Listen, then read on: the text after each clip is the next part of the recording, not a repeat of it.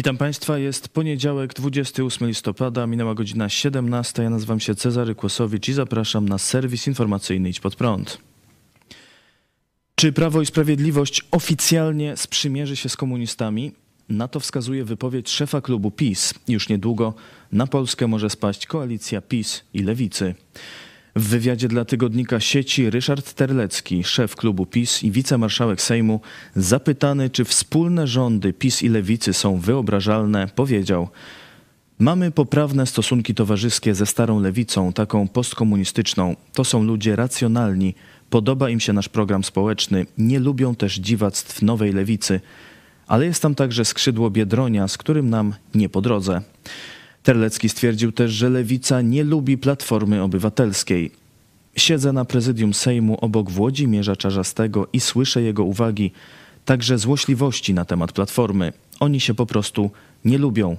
Osobiście i, że tak powiem, systemowo. Platformie najtrudniej będzie się dogadać z lewicą. Wypowiedź Terleckiego skomentował pastor Paweł Chojecki. Stosunki katolickiego PiS ze starą komuną, czyli to, przed czym w telewizji Idź Pod Prąd ostrzegamy, Kato Komuna. Kaczyński to produkt starych służb, by kontynuować zdradę okrągłego stołu. Czy to już jasne? Nie tylko Ryszard Terlecki wyjawia, jak naprawdę wyglądają stosunki między partiami. Ciekawie wypowiedział się też w RMF FM Joachim Brudziński, wiceprezes PiS. My się Tuska i opozycji boimy tak, jak Lucyfer boi się Belzebuba. Nie boimy się, boimy się jedynie Polaków. I tę wypowiedź skomentował pastor Paweł Chojecki. Brudziński powiedział prawdę. Układ kato komuny okrągłego stołu boi się nas, wolnych Polaków. Oby to wreszcie dotarło do narodu.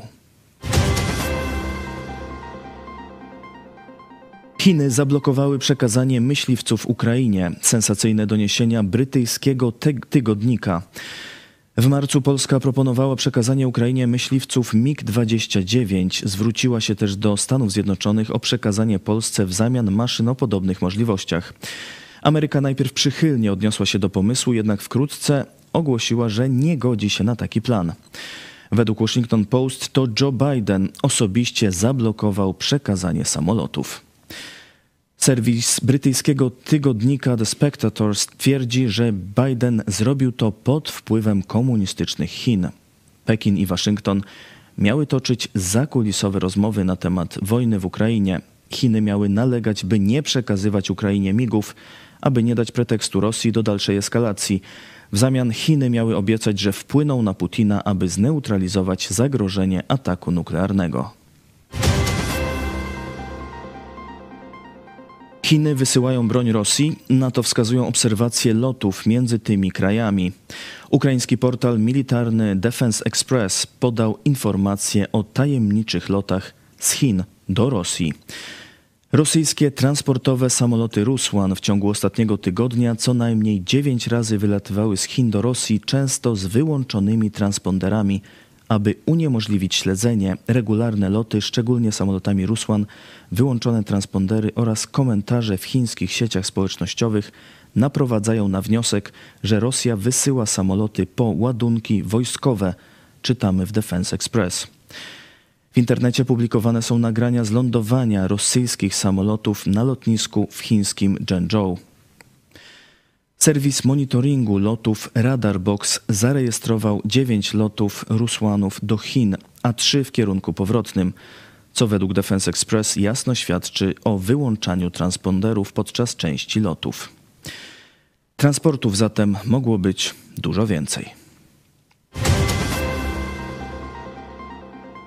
Protesty przeciw komunistycznej władzy w Chinach. Od kilku dni w wielu miastach komunistycznych Chin odbywają się protesty przeciwko władzy komunistycznej partii Chin.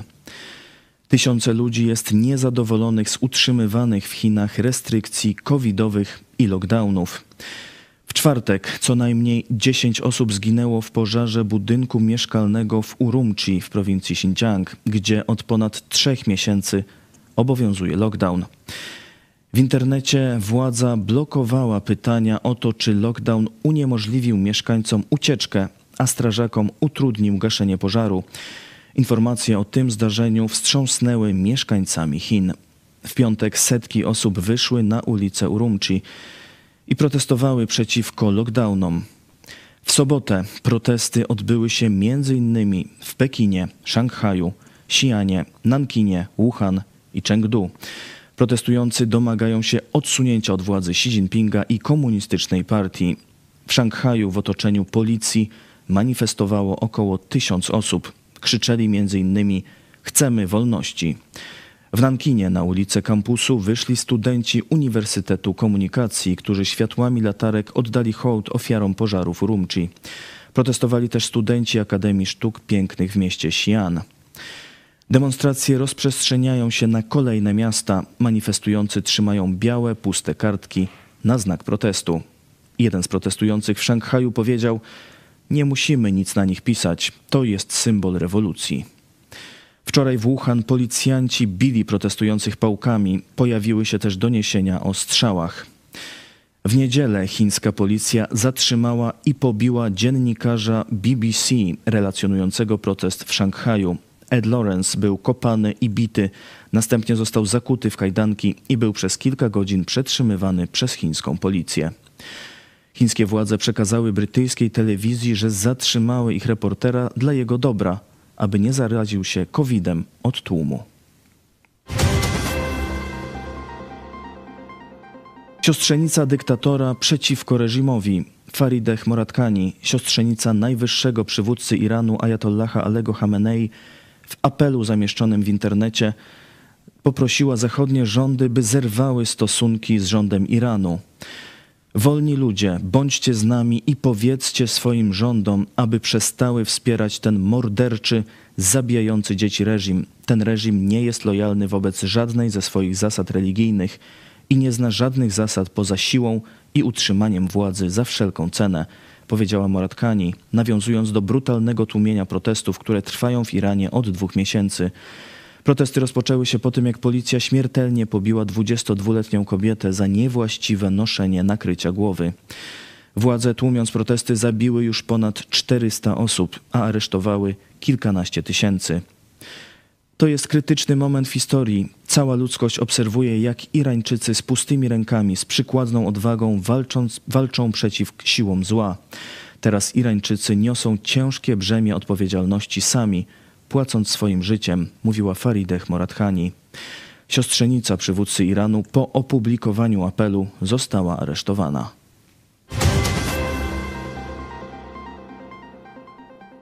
Putin może chcieć pozbyć się Łukaszenki. W sobotę poinformowano o nagłej śmierci ministra spraw zagranicznych Białorusi Uładzimira Makieja. Władze Białorusi nie podały oficjalnie przyczyny śmierci polityka. Nieoficjalnie mówi się o zabójstwie na zlecenie Władimira Putina.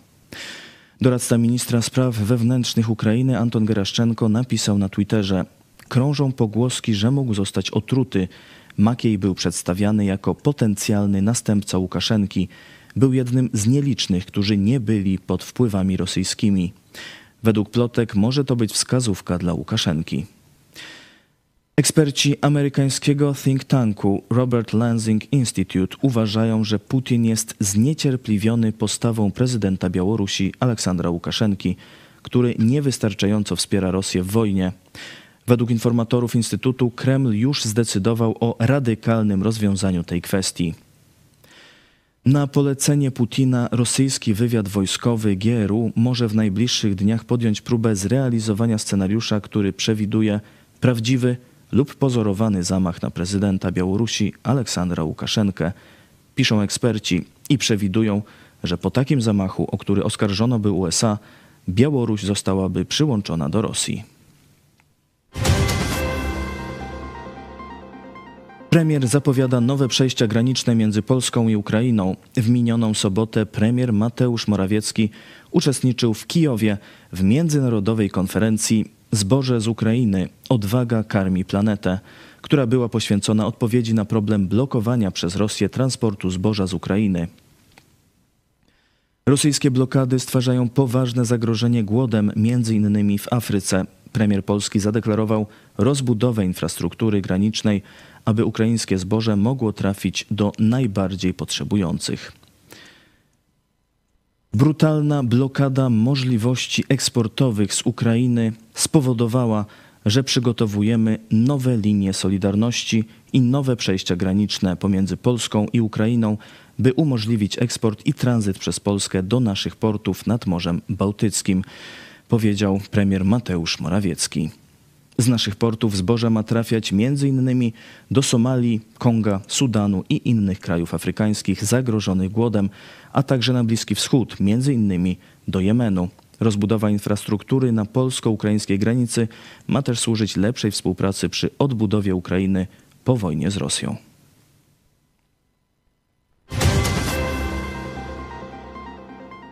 To wszystko w tym wydaniu serwisu. Dziękuję Państwu za uwagę. Kolejny serwis jutro o 17, a jeszcze dziś w telewizji pod prąd o 18. Człowiek czy kasa? Co się liczy? Zapraszam, do zobaczenia.